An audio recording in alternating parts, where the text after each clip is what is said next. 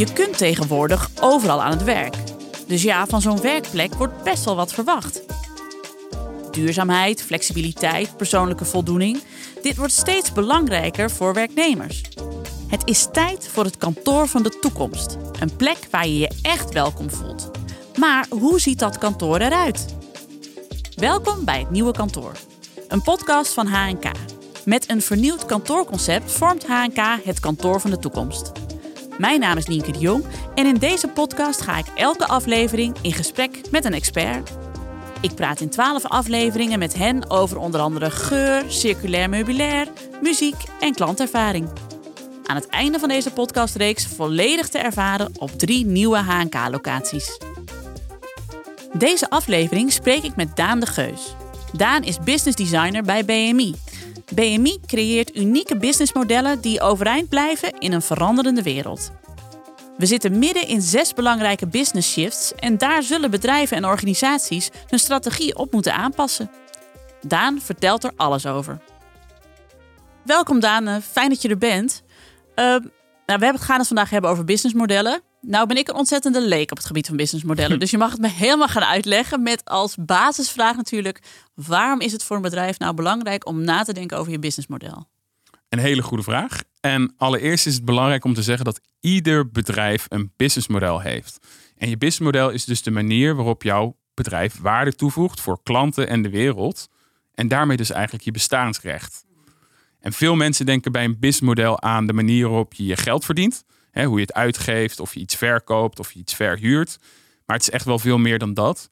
Het heeft te maken met wie je klant is aan de voorkant, welke waarde je hem of haar biedt en hoe je die klant bereikt.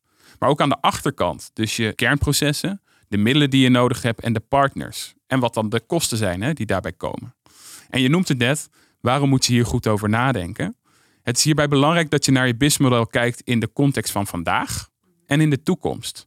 Want de wereld verandert dus heel snel en je moet je constant blijven afvragen: ben ik nu nog relevant voor mijn klant? En blijf ik dat ook met de veranderingen die ik eraan zie komen? Even simpel voorbeeld. Vandaag de dag moet je geen klassieke videotheek meer beginnen, want iedereen is gewend om vanuit een luie stoel toegang te hebben tot oneindig veel films.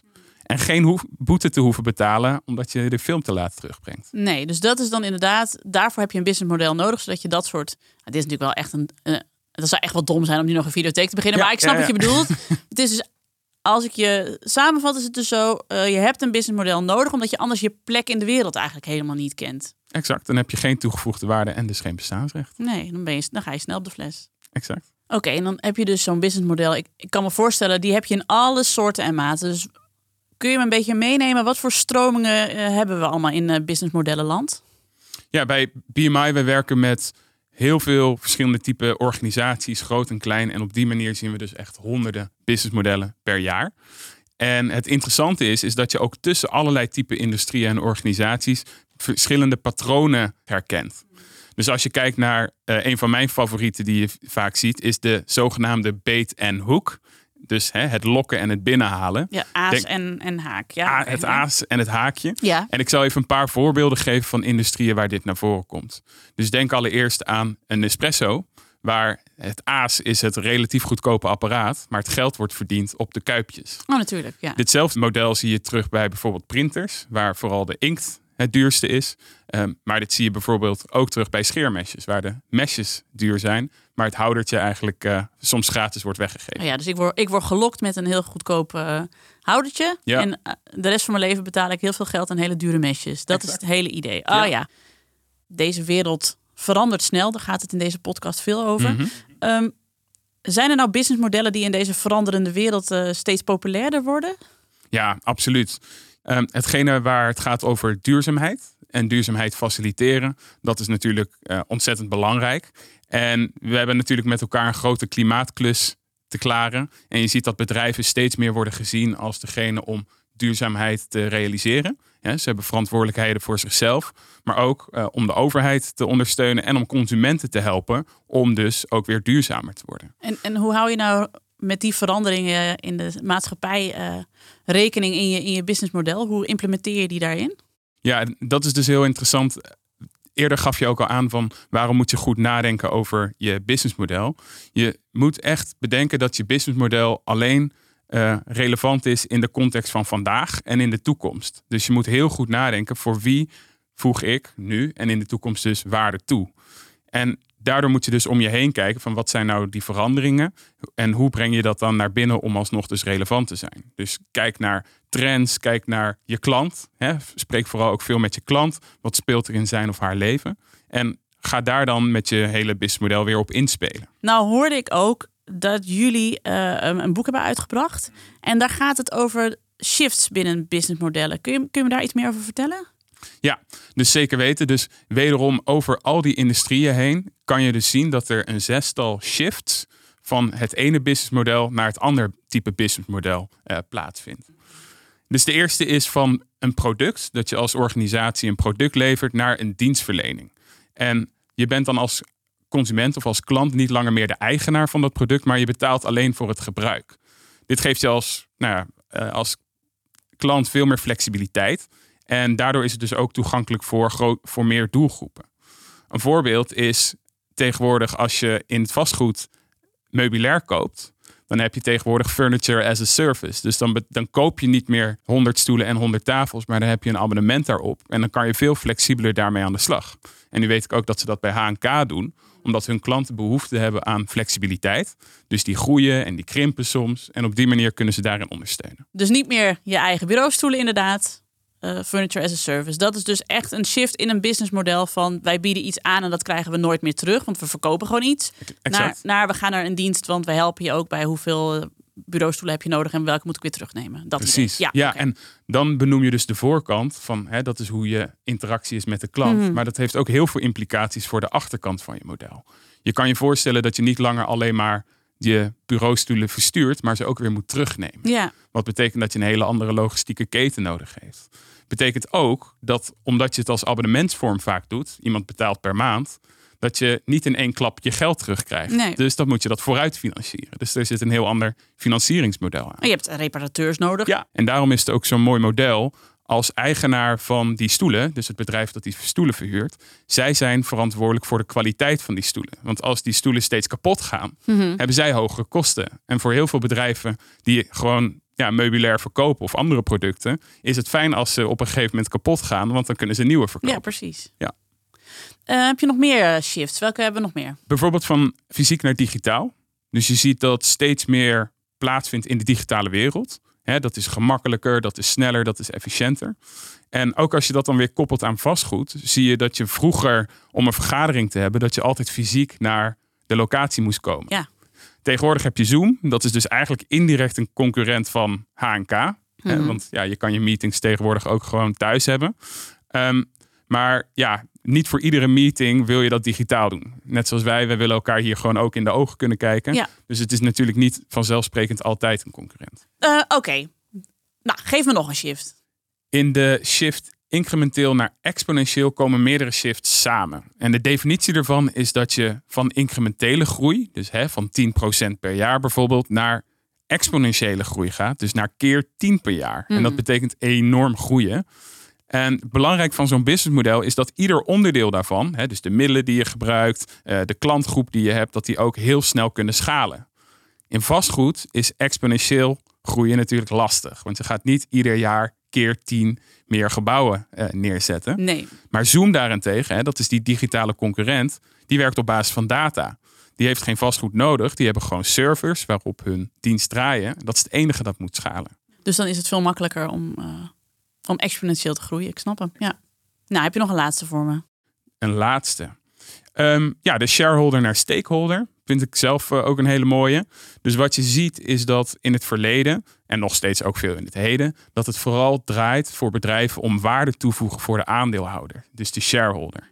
Maar wat je tegenwoordig steeds vaker ziet, is dat organisaties zich meer gaan richten op stakeholders in het algemeen.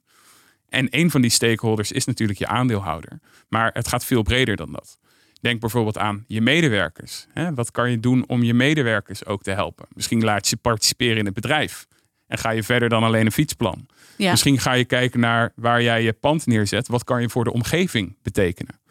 En wat vaak een vergissing is, is dat organisaties denken dat als je je aandeelhouderswaarde weggeeft, dat daarmee dus ook je eigen winstgevendheid omlaag gaat. Maar je ziet steeds meer organisaties die het tegendeel bewijzen. De aandeelhouderswaarde gaat uiteindelijk omhoog door waarde toe te voegen voor de stakeholders in de breedte. Oh, echt? Dus het is, want het klinkt dan dat de oude variant best wel egoïstisch was van oké, we willen gewoon zoveel mogelijk geld binnenharken. Mhm. Maar ehm, waar zie je dan die winst eh, terugkomen als je dus naar die stakeholders gaat? Kun je me daar een voorbeeld van geven hoe dat, eh, hoe dat in zijn werk gaat? Ik ben zelf enorm fan van het kledingmerk Patagonia.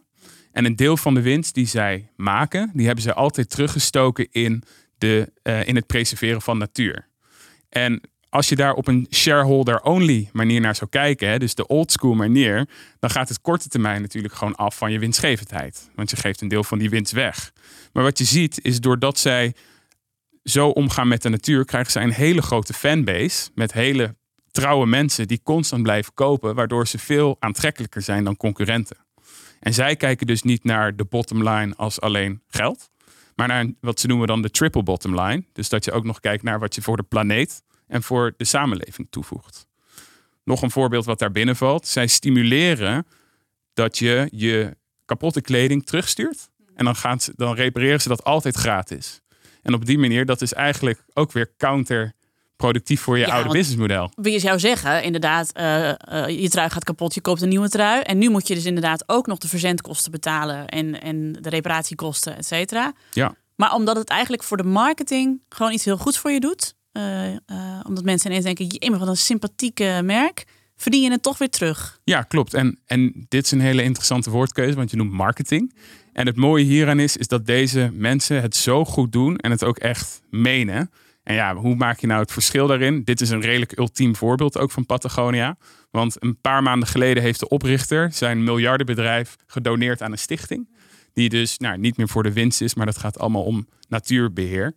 Nou, zo extreem eh, moet niet, hoeft niet ieder bedrijf het te doen. Maar het gaat dus wel echt om ja, je instelling daarin. En vooral ook zien dat iets goed doen voor de wereld niet los hoeft te staan van iets goed doen voor je portemonnee. En- Nee, want maar daar dat is je het dus wel doet omdat je dat het geen greenwashing wordt van oeh, kijk, maar, kijk, ons eens even verantwoordelijk bezig zijn, maar dat je je eigenlijk diep in je hart geen zier interesseert. Dat moet je dus voorkomen. Het moet wel vanuit de juiste intentie komen, kan ik me voorstellen. Absoluut. Ja, daar prikt iedereen doorheen anders. Ja, dat is zeker zo.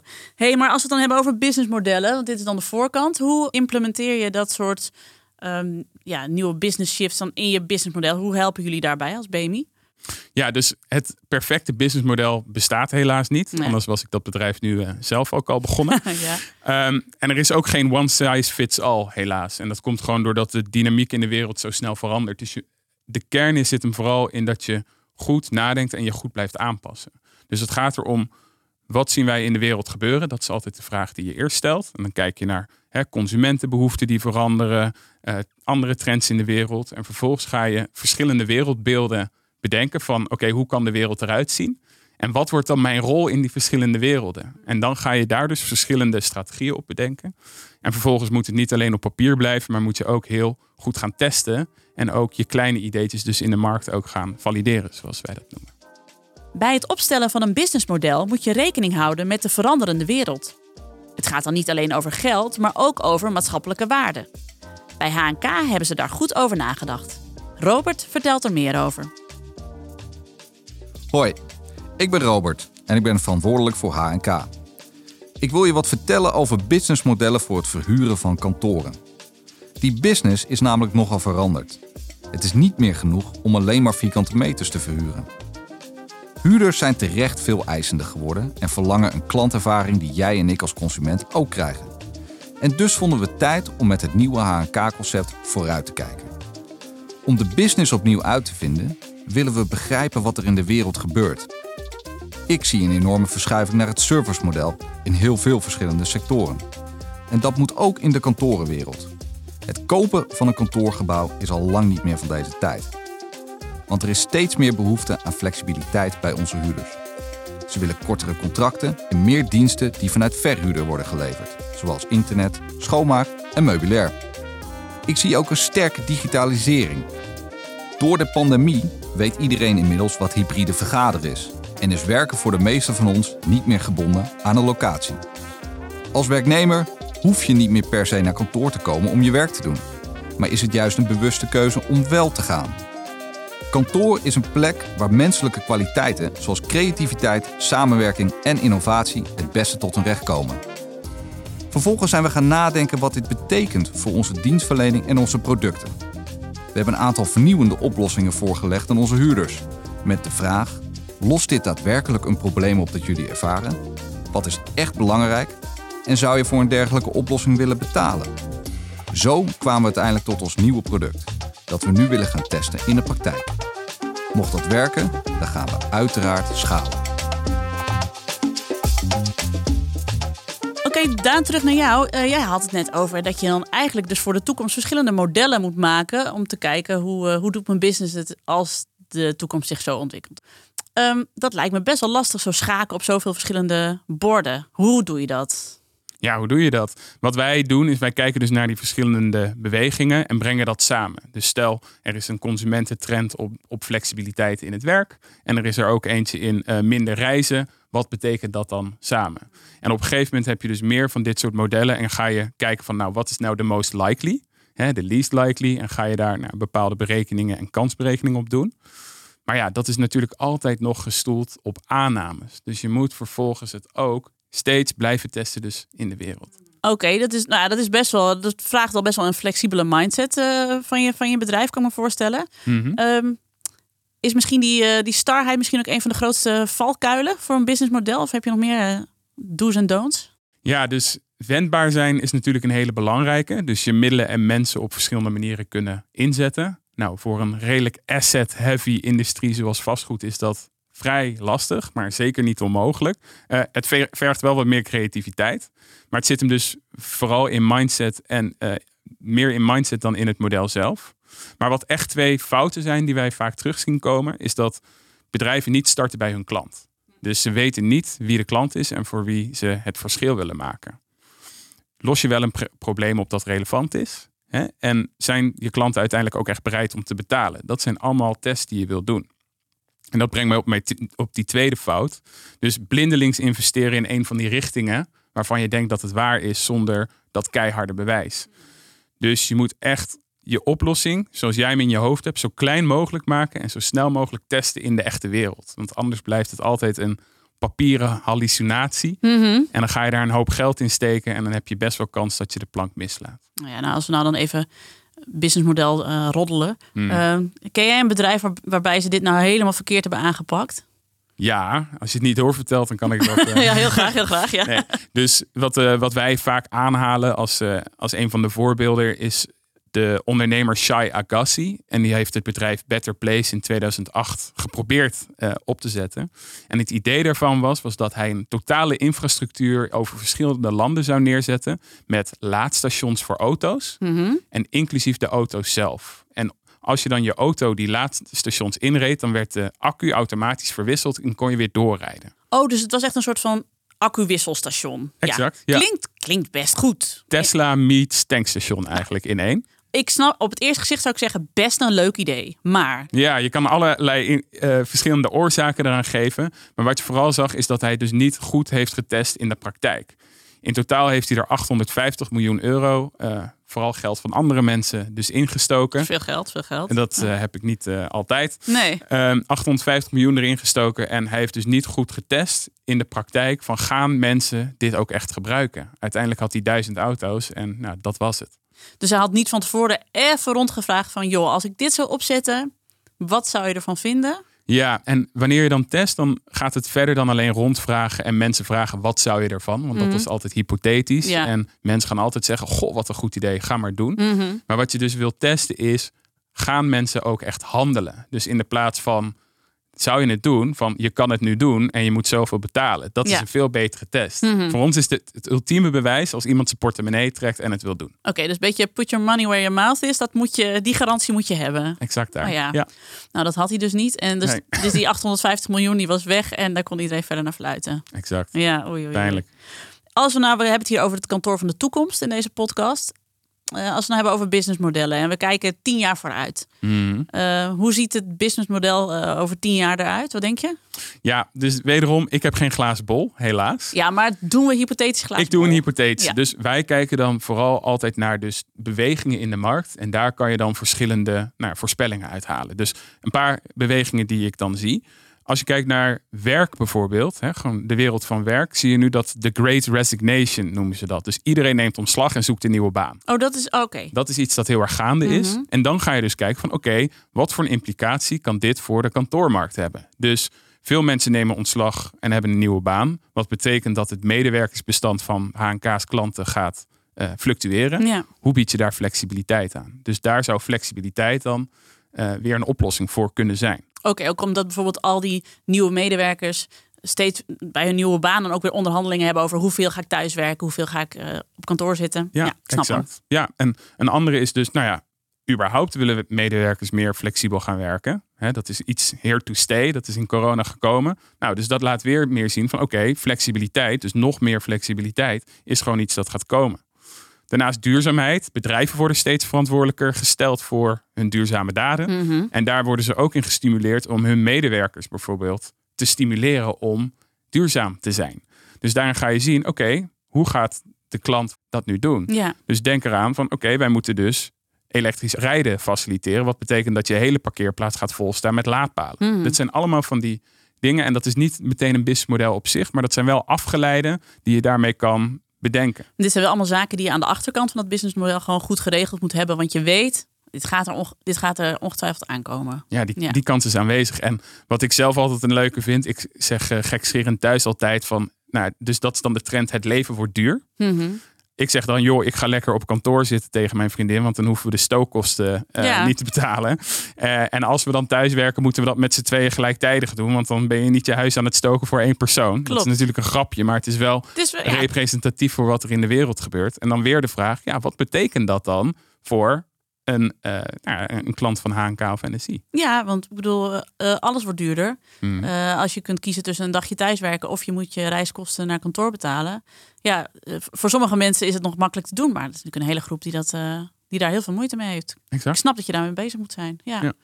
Oké, dus resume. Het businessmodel van de toekomst aan de achterkant. Wat ik jou hoor zeggen is flexibiliteit en duurzaamheid. En dus, en dus eigenlijk meedenken met, met je medewerkers om het voor hen zo eh, makkelijk mogelijk te maken eigenlijk om, om bij jou te werken. Ja, Ja. zeker. En dat is eh, natuurlijk niet ontzettend nieuw. Maar het gaat wel steeds meer om van ja, hoe geef je invulling aan deze trend? En daar wil je wel constant mee bezig zijn. En ook op de hoede zijn van wat gaat er veranderen. Nou ja, en het lijkt me ook een veel leukere manier om bezig te zijn met je, met je bedrijf op, op deze manier. Om je bedrijf op deze manier vorm te geven dan de oude manier waar we het over hadden. Met oké, we kijken gewoon hoeveel winst we kunnen maken. En dat is dan voor de aandeelhouders. En van harte gefeliciteerd met je bonus. Toch? Absoluut. Het vergt wat meer creativiteit. Maar op lange termijn gaat het gewoon veel meer waarde geven. Het wordt er alleen maar leuker van. Absoluut. hey, dankjewel voor dit gesprek. Jij ook. Dankjewel. Dit was het Nieuwe Kantoor, een podcast van HNK. Nieuwsgierig naar jouw kantoor van de toekomst? Ga naar hnk.nl, boek een rondleiding en kom langs op een van onze locaties. Welcome to a new way of working.